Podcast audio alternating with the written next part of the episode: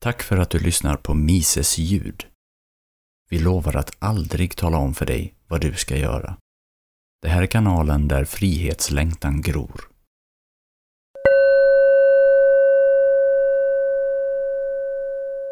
Jesajas uppdrag En kväll förra hösten satt jag många timmar med en europeisk bekant medan han la fram en ekonomisk och politisk doktrin som verkade sund och klok och som jag inte kunde hitta någon defekt med.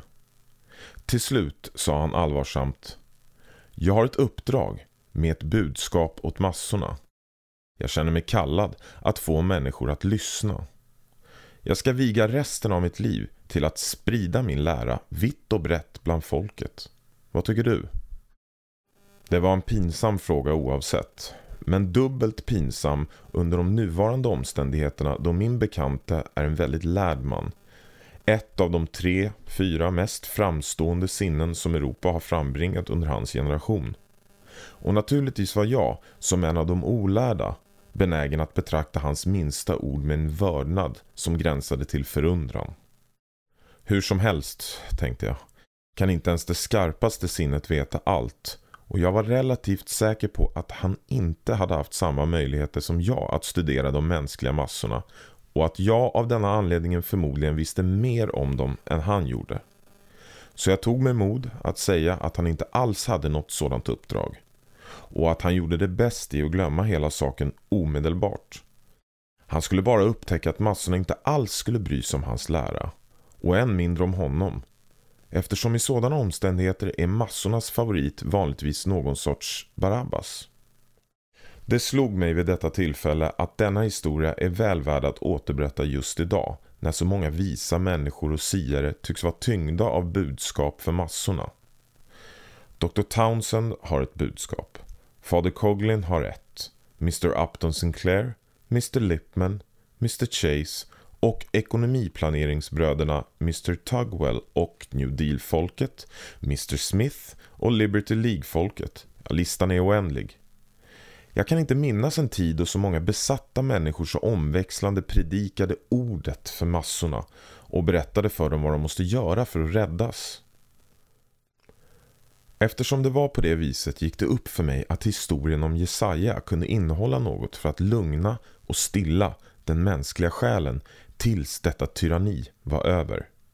Jag ska parafrasera historien i vanligt tal eftersom den måste pusslas ihop från många källor och eftersom även respektabla skriftlärda har ansett att det är hög tid att ge ut en helt ny version av Bibeln i amerikansk folkmun tar jag skydd bakom dem.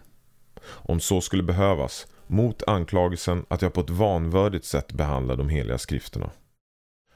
Profetens karriär började i slutet av kung Usias styre, låt säga 749 f.Kr. Hans styre var ovanligt långvarigt, nästan ett halvt århundrade och tydligen blomstrande. Det var dock ett av dessa blomstrande styren som Marcus Aurelius i Rom eller Eubulus ledning av Aten eller Mr Coolidge i Washington där blomstrandet plötsligt avtar och saker går åt helsike i en ljudlig krasch. Året då Usia dog gav Herren i uppdrag till profeterna att gå ut i världen och varna folket om den vrede som väntade. Berätta för dem vilken värdelös samling de är. Han sa, berätta för dem vad som är fel och varför och vad som kommer hända om de inte ändrar sig och skärper sig. Skräd inte orden. Gör det tydligt för dem att de bokstavligen står inför sin sista chans. Berätta det för dem och fortsätt att berätta det för dem. Jag antar att jag borde berättat för dig, tillade han. Att det inte kommer att vara till någon nytta.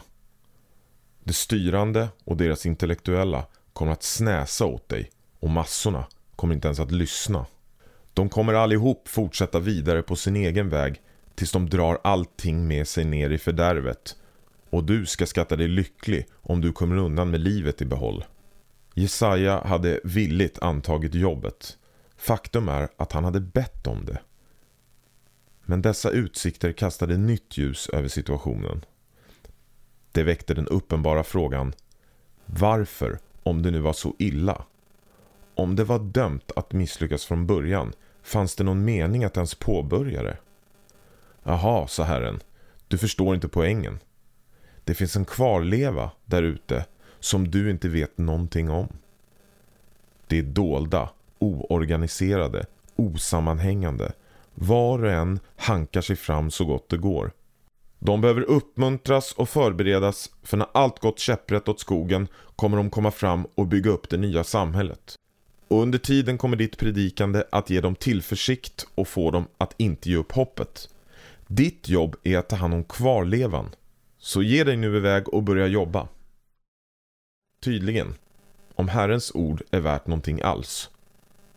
Och jag ger ingen åsikt i just den frågan var den enda delen av det judiska samhället som var värt att bry sig om just kvarlevan. Jesaja verkade slutligen ha insett att så var fallet. Att man inte kunde förvänta sig något av massorna. Utan om något substantiellt någonsin skulle göras i Juda var det kvarlevan som skulle vara tvungen att göra det. Detta är en väldigt slående och tänkeväckande idé. Men innan vi utvecklar den måste vi vara på det klara med våra ordval. Vad menar vi med massorna? Och vad menar vi med kvarlevan? Som ordet massor vanligtvis används åsyftar det en samling fattiga och underprivilegierade människor. Arbetande människor, proletärer, men det betyder inte alls något sånt. Det betyder helt enkelt majoriteten. Massmänniskan är någon som verkligen har den intellektuella kraften att förstå de principer som resulterar i det som vi nu kallar det mänskliga livet eller tillräckligt med karaktär för att stadigt och strikt följa dessa principer som normer.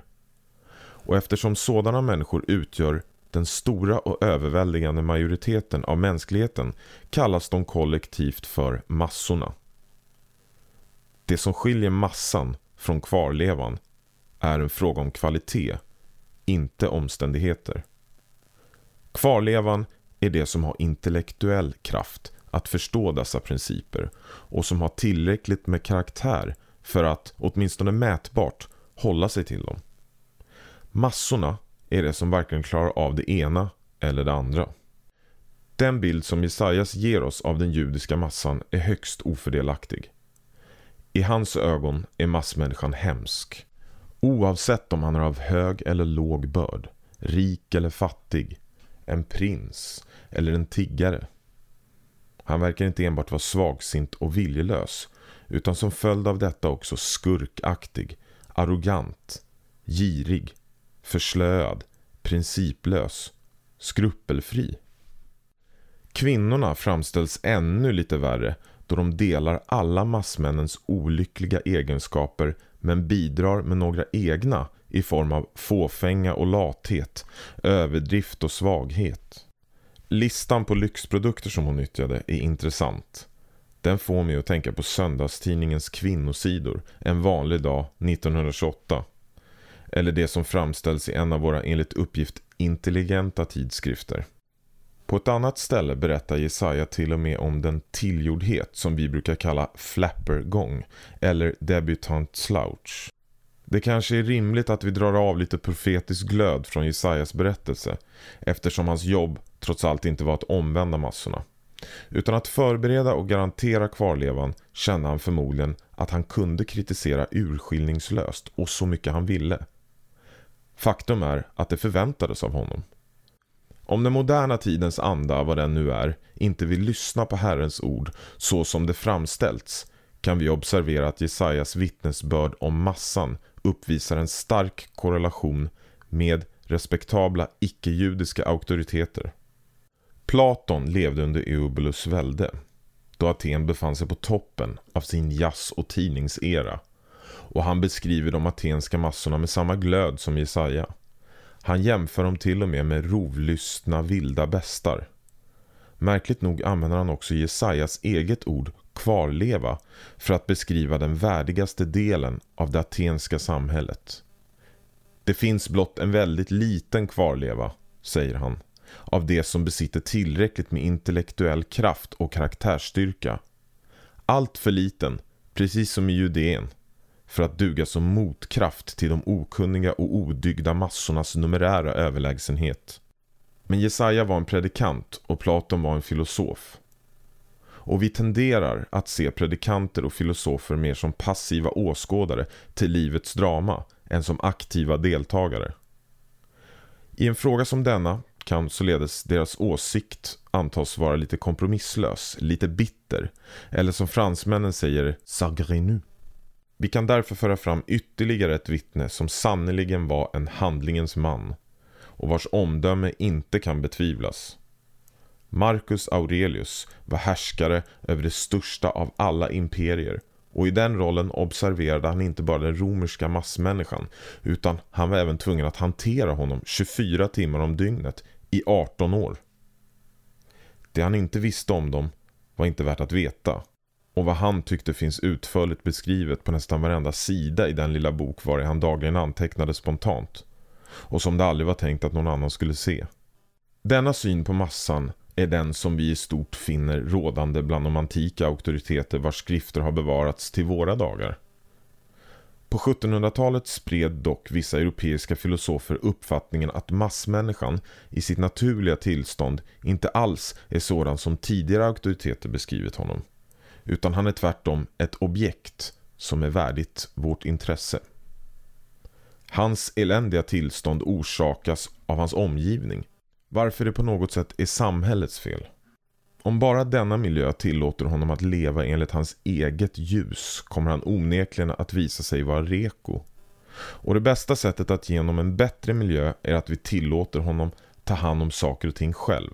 Den franska revolutionen blev en kraftfull språngbräda för denna idé och skickade dess inflytande i alla riktningar över hela Europa. På denna sida Atlanten stod en hel kontinent redo att storskaligt testa denna teori. Här fanns alla tänkbara resurser som massorna kunde använda sig av för att forma civilisationen efter sin egen avbild. Här fanns inga betungande traditioner som skulle kunna hindrat deras stora antal eller motverkat deras nedvärderande av kvarlevan. En otrolig mängd naturrikedomar, obestridlig folkmängdsmässig dominans, isolering, frihet från och fruktan av externa störningar. Ett och ett halvt århundrade av tid. Sådana var de fördelar som massmänniskan hade att tillgå för att skapa en civilisation som skulle visa hur fel de gamla predikanterna och filosoferna hade haft i sin tro att inget substantiellt kunde förväntas från massan utan enbart från kvarlevan. Men massans framgångar imponerar inte. Att döma av de bevis vi hittills fått se tror jag man måste säga att massmänniskans uppfattning om vad livet har att erbjuda och hans val av vad han vill ha ut av det mer eller mindre verkar vara samma sak som på Platons och Jesajas tid. Och så är det också med de katastrofala samhällskonflikter och omvälvningar som hans livsåskådning och krav på livet leder honom till.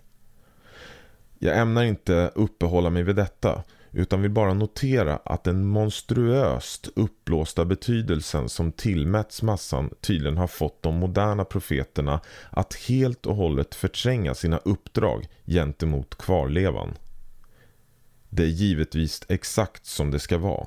Om vi antar att de tidigare predikanterna och filosoferna faktiskt hade fel och att mänsklighetens sista hopp står att finna i massorna. Men å andra sidan, om det skulle visa sig att Herren och Jesaja och Platon och Marcus Aurelius hade rätt i sin uppskattning av massornas och kvarlevans relativa samhällsvärde, då är det inte så. Eftersom resultatet nu har varit så oerhört nedslående, trots alla försprång som massorna har haft, verkar det som om frågeställningen mellan dessa två åsikter skulle vara värd att återöppna. Utan att följa detta spår vidare önskar jag endast, som jag tidigare anmärkte, påpekar det faktum att som saker och ting nu är verkar Jesajas jobb i högsta grad stå ledigt. Idag är var och en som har ett budskap, precis som min hedervärde europeiska vän, ivrig att ta det till massorna. Hans första, sista och enda tanke handlar om massornas acceptans och stöd.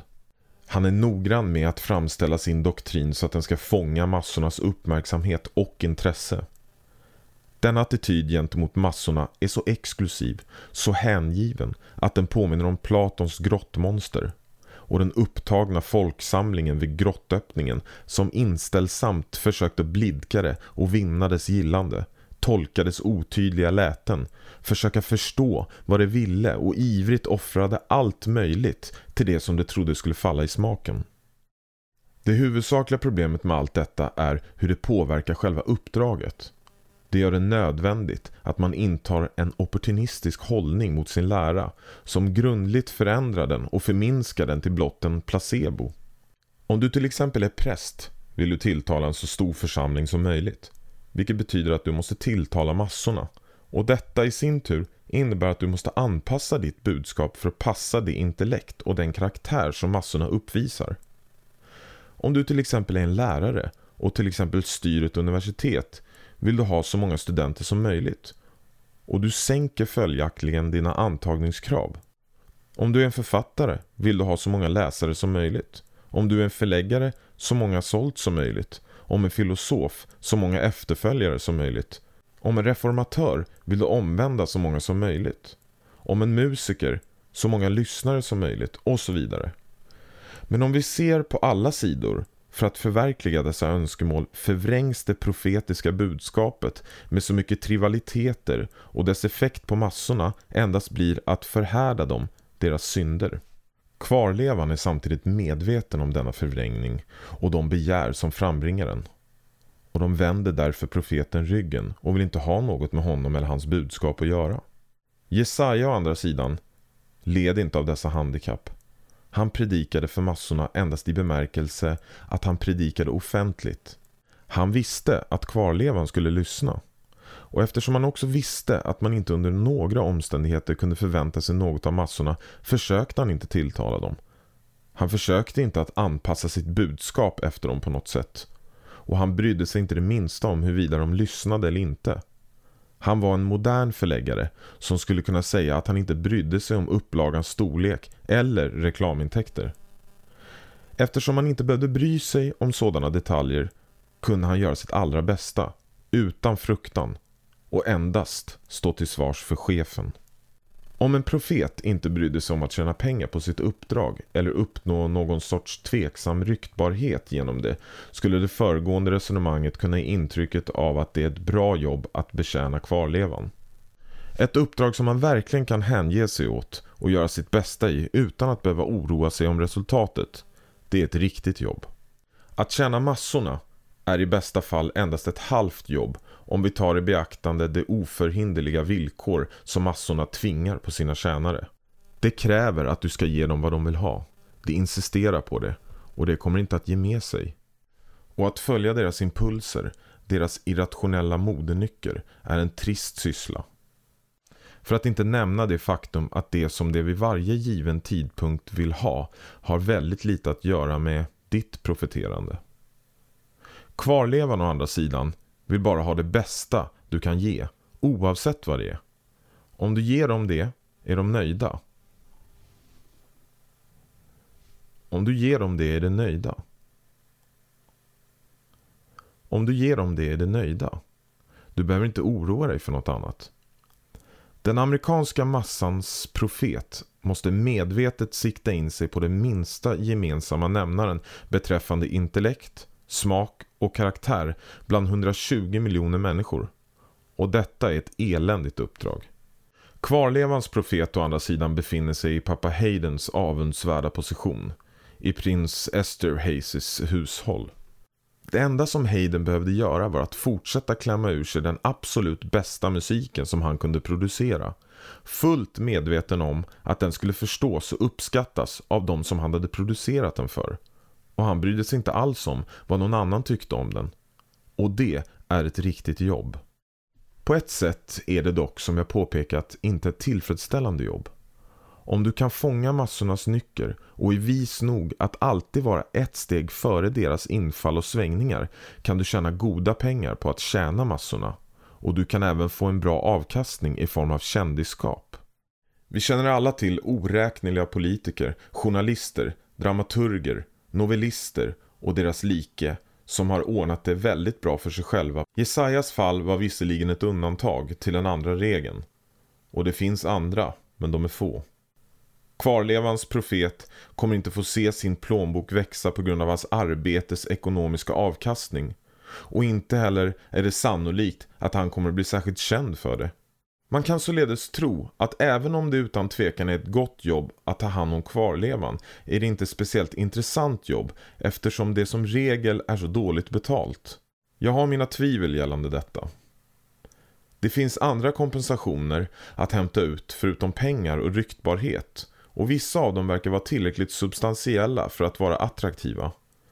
Många jobb som inte betalar väl är likväl väldigt intressanta, som till exempel jobbet som forskarstudent påstås vara. Och för mig verkar jobbet att ta hand om kvarlevan, så som jag under många år har observerat det från min plats på huvudläktaren, vara det intressantaste jobbet i världen. Det huvudsakliga skälet för detta tror jag är att i varje givet samhälle är kvarlevan alltid i stort sett en okänd storhet. Du vet inte, och du kommer aldrig att veta, mer än två saker om den. Du kan vara säker på dessa saker, tvärsäker som man säger. Men du kommer aldrig kunna ens att göra en respektabel gissning beträffande något annat.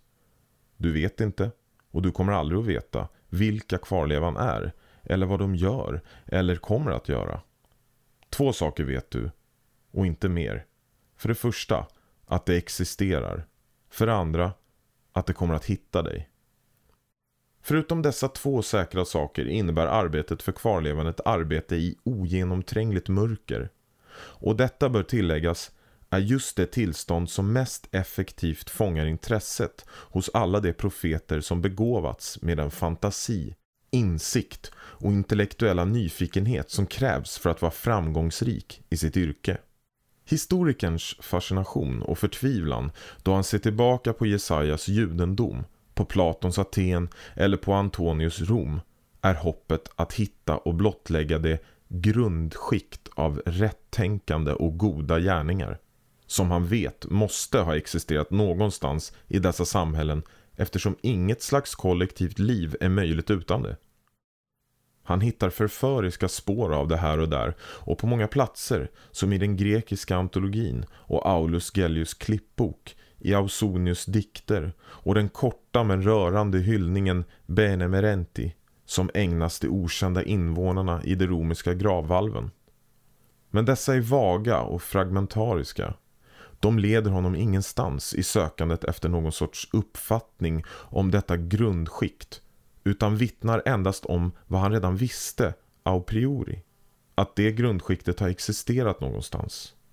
Vad det var, hur omfattande det var, vad dess möjlighet till självhädelse och motstånd var. Om allt detta säger de ingenting. På samma sätt när historikern 2000 år i framtiden, eller 200 år, tittar på det tillgängliga bevismaterialet över vår civilisations egenskaper och försöker skaffa sig någorlunda klara och bra bevis över grundskiktet av rättänkande och goda gärningar som han vet måste funnits där kommer han finna det väldigt svårt att hitta det.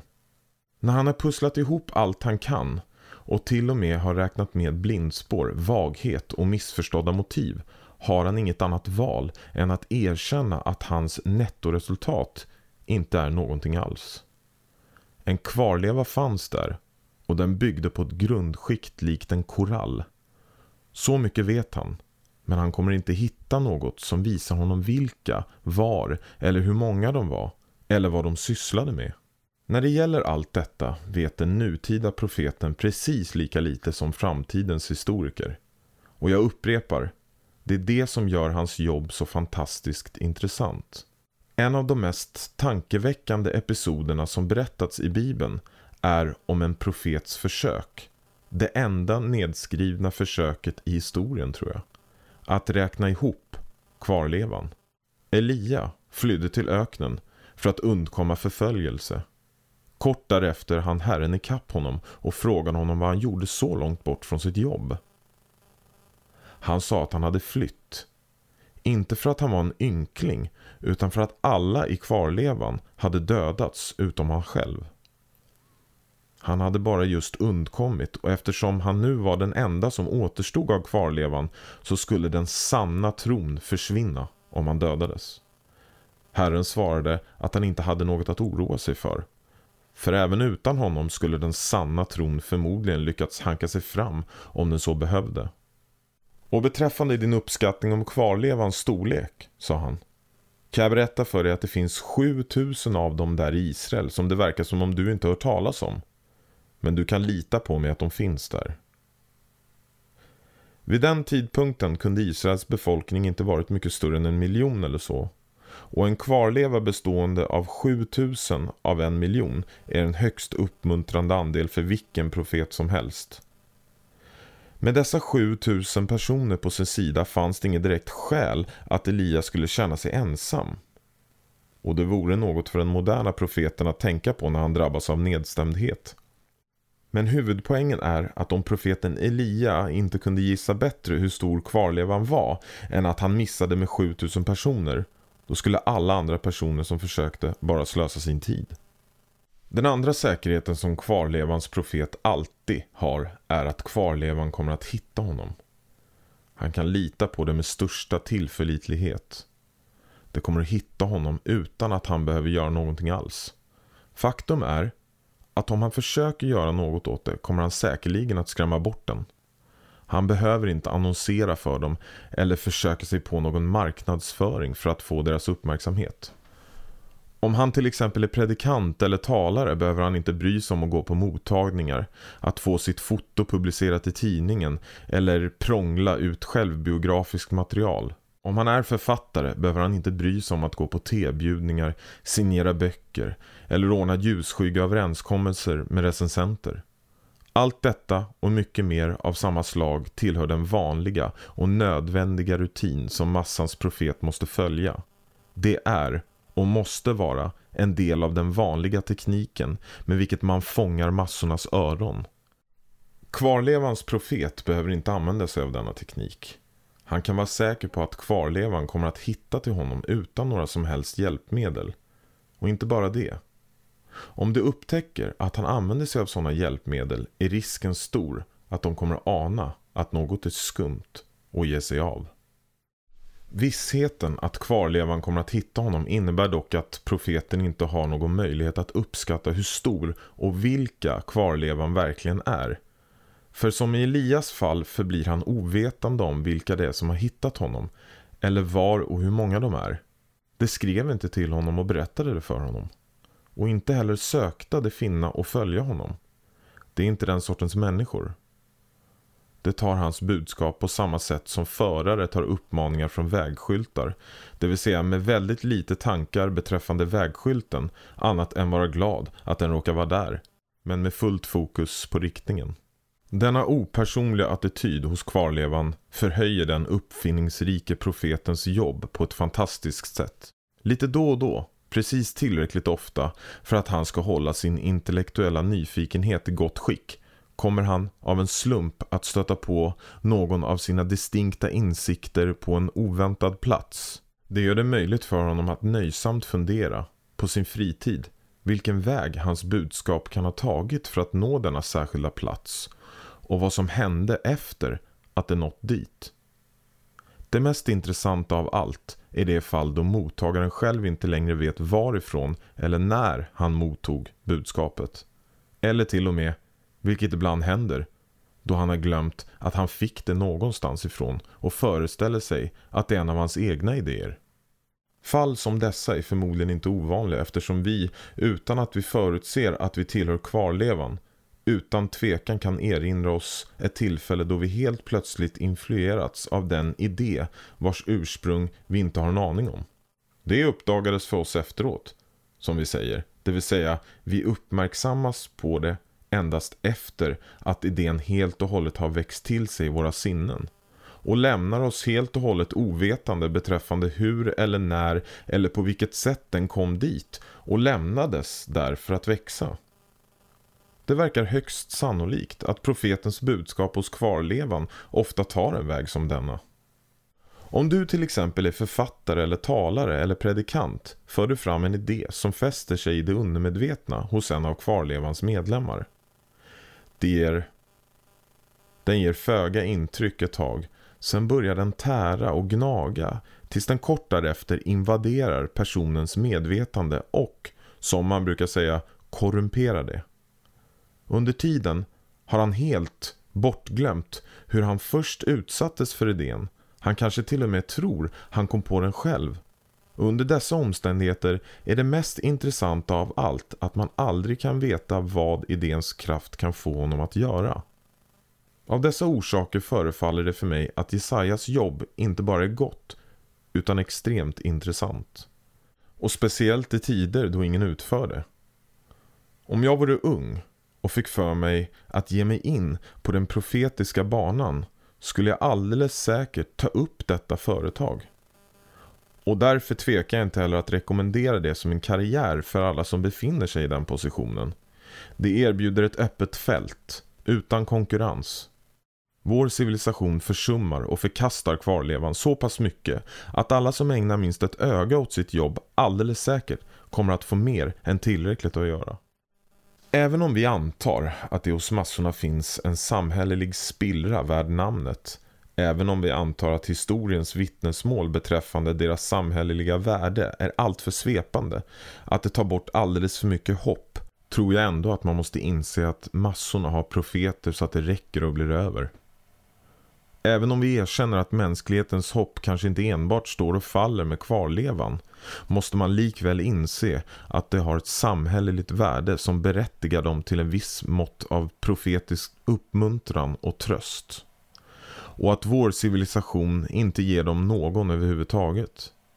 Varenda profetisk röst vänder sig till massorna och enbart till massorna. Predikantens röst, lärarens röst, politikerns röst, litteraturen, dramaturgin, journalismen. Alla dessa riktas uteslutande in sig på massorna och det styr massorna i den riktning det rör sig. Man kan därför föreslå att aspirerande profetiska talanger mycket väl kan vända sig till ett annat område. Sat patrie priamok datum. Oavsett vilka förpliktelser som kan finnas är massorna redan monstruöst överbetalda. Så länge som massorna befinner sig i sina kungars tempel och lystrar till nonsens kommer de inte lida någon brist på profeter som pekar ut vägen till det överflödande livet. Och således är det sannolikt bättre om vissa av dem som känner den profetiska glöden tjänar kvarlevan istället. Det är ett bra jobb. Ett intressant jobb.